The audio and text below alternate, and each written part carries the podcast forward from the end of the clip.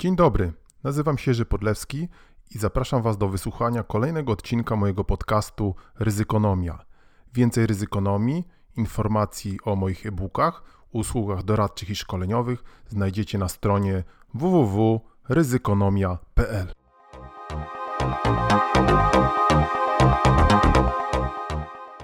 Dzień dobry, dzień dobry, dzień dobry. Kolejny przegląd ryzyka ze świnką. Kontynuujemy nasze opowieści o ryzykach, które zobaczyliśmy na naszym ryzykonomicznym radarze w ciągu ostatnich dni. A z nowości musimy powiedzieć i zachęcamy Was, ukazał się właśnie 99 numer newslettera Ryzykonomii, czyli naszej takiej okresowej przypominajki, co wydarzyło się na blogu, na podcaście i w ryzyku i nie tylko. Zachęcamy Was do spojrzenia do Waszych skrzynek internetowych, jeżeli jesteście oczywiście zapisani podobnie jak ponad 600 innych profesjonalistów, a jeżeli jeszcze się nie zdążyliście zapisać, to oczywiście serdecznie zapraszamy do zapisywania się na naszej stronie www.ryzykonomia.pl. Obiecujemy, nie spamujemy, od czasu do czasu wysyłamy, mam nadzieję, cenne dla Was, a w każdym razie interesujące informacje. Cóż nam się wydarzyło w ciągu y, ostatniego tygodnia i nie tylko w ryzyku? Project Management, ryzyko Project Management. Y, jak się dowiadujemy, zresztą śledzimy sprawę od y, już można powiedzieć jej początku, mija właśnie druga rocznica budowy promu Batory, a w ramach, właściwie w ramach programu Batory, był kiedyś taki statek pasażerski Batory. Pamiętacie? Stefan Batory wlazł do komory, nażarł się grochu i mm, po trochu tak dzieci kiedyś śpiewały, wołały. Był rzeczywiście kiedyś taki statek Batory, transatlantyk Batory przed wojną. Później był transatlantyk Stefan Batory. Bardzo, bardzo, bardzo fajny statek, tak można powiedzieć. Hmm, kiedyś jadłem śniadania u kucharza z Batorego, bardzo dobre. Miam, miam, prawda świnko? Świnko, ty nie jadłeś ze mną wtedy. No właśnie, wracając do programu Batory, y, już dwa lata temu y, pan y, premier, nasz wielki premier mądry premier Morawiecki, Mateusz Morawiecki ogłosił budowę y, tego, y, tegoż, tegoż promu w czasie swojej sławnej wizyty w pięknym mieście Szczecinie. Mijają dwa lata, położono stępkę, czyli taki można powiedzieć podwaliny pod budowę statku, aczkolwiek ktoś kiedyś zauważył, że to wcale nie stępka ze statku, tylko stępka jakaś tam, stępka, jakiś kawałek tak zwanego offshore'a, kawał metalu, więc go położono. Ten, ta stępka, czy cokolwiek to jest, sobie tam leży, a statku wciąż nie ma. Zresztą pewnie go nigdy nie miało być, bo z tego co e, słyszeliśmy, to no to nawet nie było projektu technicznego, zresztą teraz czytamy, że go wcale dalej nie ma. E, statek miał być gotowy do 2021 roku, a teraz słyszymy, że ma być gotowy później, nie wiadomo za bardzo kiedy. Na początku projekt przewidywał, jakikolwiek on był, że statek miał mieć 2, 202 metry długości przewozić gdzieś circa 400 pasażerów. Teraz ma mieć już 218 metrów i przewozić 674 pasażerów plus towary, traki i tak dalej. Bardzo ciekawa rzecz, budowanie statku. Muszę powiedzieć, że miałem taki dosyć długi epizod kilkuletni finansowania, budowy projektów stoczniowych, offshore'owych i trochę na ten temat wiem i y, od samego początku miałem wrażenie, że ten statek no właśnie, co? Kiedyś powstanie. Kiedyś. Tylko kiedy? Kolejne ryzyko. No, ostatnio ryzyka klimatyczne są bardzo modne. One są modne, wystarczy spojrzeć na, wystarczy z tego powodu, że wystarczy spojrzeć na, na mm, nie mikrofon, tylko jak się ładnie nazywa to inny miernik, na termometr. No i cóż widzimy na termometrze? W gazetach pełno tytułów, piekło, straszliwa temperatura, zabija, roztapia. No rzeczywiście, mamy jakąś zmianę cyrkulacji, tak to meteorolodzy, jak zrozumiem, objaśniają, i coraz więcej płynie do nas powietrza z Afryki z jakiegoś dziwnego powodu, pewnie z powodu zmian klimatycznych. A, czy to możliwe? Podobno, podobno tak mówią profesorowie. Yy, czytamy, że yy, Inga z Grodziska Mazowieckiego ogłosiła strajk klimatyczny, 13-letnia Inga i wzorem swojej koleżanki ze Szwecji siedzi teraz pod jednym z ministerstw i, i strajkuje w czasie wakacji.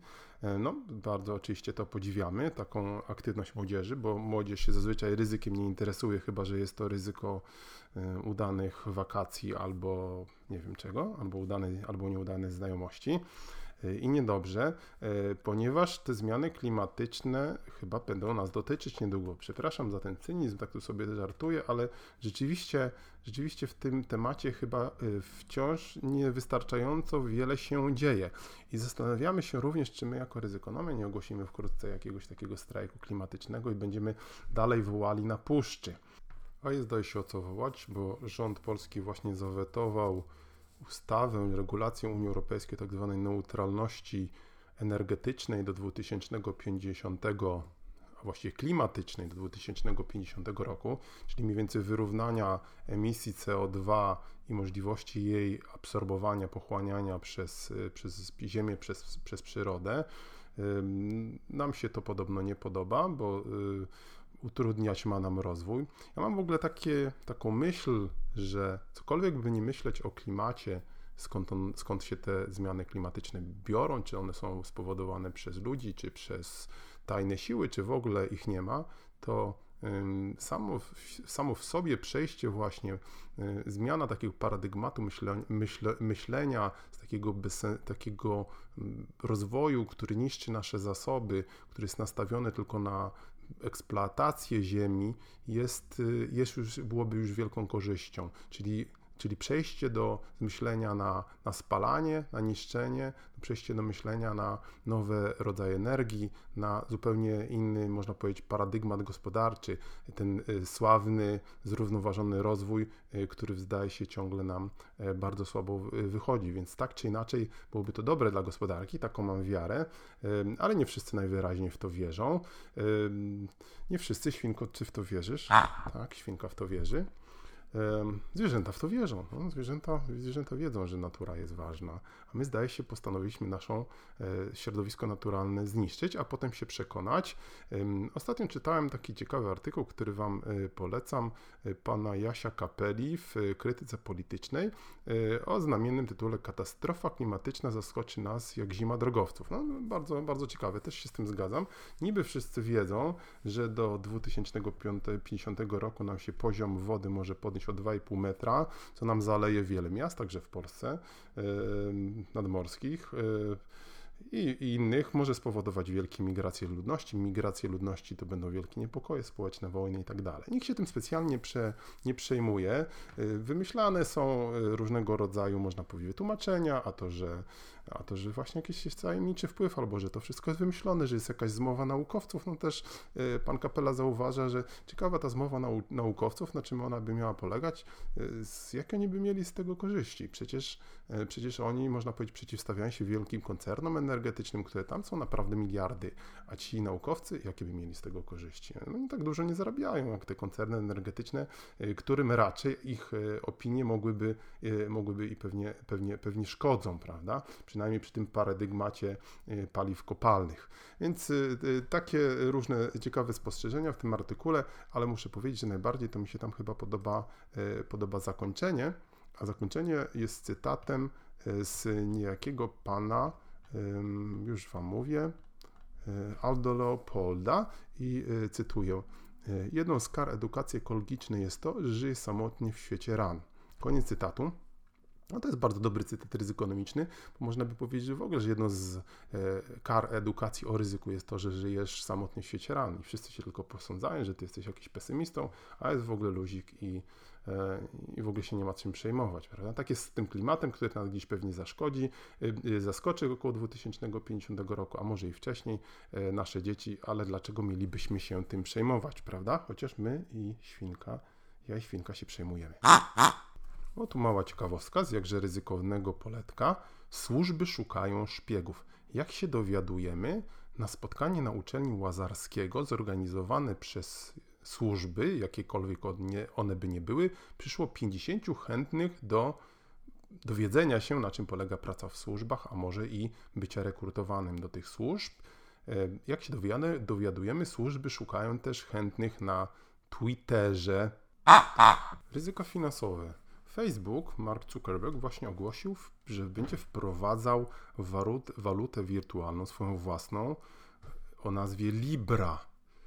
No i tu się zaraz zrobiło zamieszanie, bo z jednej strony, z jednej strony radość, podobno do, tej, do tego projektu mają dołączyć różne inne mm, firmy, firmy, firmy z branży technologicznej, nie tylko Facebook, ale z drugiej strony pojawiły się zaraz głosy, że Facebook jest już i tak tak wielkim, można powiedzieć, organizmem, że jeżeli teraz zacznie, wykorzystując tą swoją wielkość, działać w sektorze finansowym, no to rzeczywiście nie wiadomo, co nam tutaj powstanie. Jakieś e, trudne do, do opanowania organizm, żeby, żeby gorzej nie powiedzieć. To zbiega się też z takim artykułem, który wcześniej, e, parę tygodni wcześniej się e, ukazał w New York Times, w New York Timesie, The New York Times, jednego z założycieli Facebooka, Chrisa Hughesa, który który tam e, wyraził taki pogląd, e, że, mm, że Facebook już jest tak dużą organizacją, że żyje już swoim własnym życiem, że ona powinna zostać przez organy antymonopolowe Stanów Zjednoczonych, Stanach Zjednoczonych podzielona. E, bo e, to, co się tam dzieje, to już się wymknęło spod kontroli i mamy później takie kwestie jak Cambridge Analytica, jak wpływanie na wybory i wpływanie w ogóle na proces demokratyczny, który jest już i tak bardzo naruszony. I teraz jeszcze Facebook miałby się stać jednym, być może nawet kluczowym graczem na rynku finansowym. No i też się e, pojawiły też opinie regulatorów właśnie z tego Bank of International Settlement. Mamy też opinie z Bank of England oraz innych banków centralnych, które mówią, że będą się bardzo bacznie y, przyglądały, co tutaj Facebook ma zamiar ro robić, bo jak wiemy, y, z tymi walutami wirtualnymi jest w ogóle problem, bo one są y, bardzo słabo, a czasami wręcz w ogóle nieregulowane. I chociażby, można powiedzieć, czarnowidze, a gdzieś ich nie ma, ostrzegają, że Facebook mógłby wykorzystywać później swoją przewagę, narzucając ceny chociażby pożyczek, cen, cen tych usług finansowych, które byłyby jakieś związane z tą walutą wirtualną. Mógłby, można powiedzieć, wyłączać całe grupy ludzi, ludności z, e, z funkcjonowania na rynkach finansowych. No właściwie mógłby wszystko, można powiedzieć, bo teraz to prawie może wszystko i to możemy obserwować. E, bardzo nam się tutaj duże ryzyko można powiedzieć, kreuje i oczywiście będziemy Was informować, co się tutaj będzie działo dalej. To tyle na dzisiaj z naszego przeglądu ryzyka ze świnką. Wracamy wkrótce z nowymi treściami. Następny odcinek, jak sądzę, będzie poświęcony pewnej e, dłuższemu tematowi. E, słuchajcie nas, e, polecajcie nas, czytajcie nasze e-booki, oglądajcie naszą nową stronę www.ryzykonomia.pl. Bye, bye, bye, bye.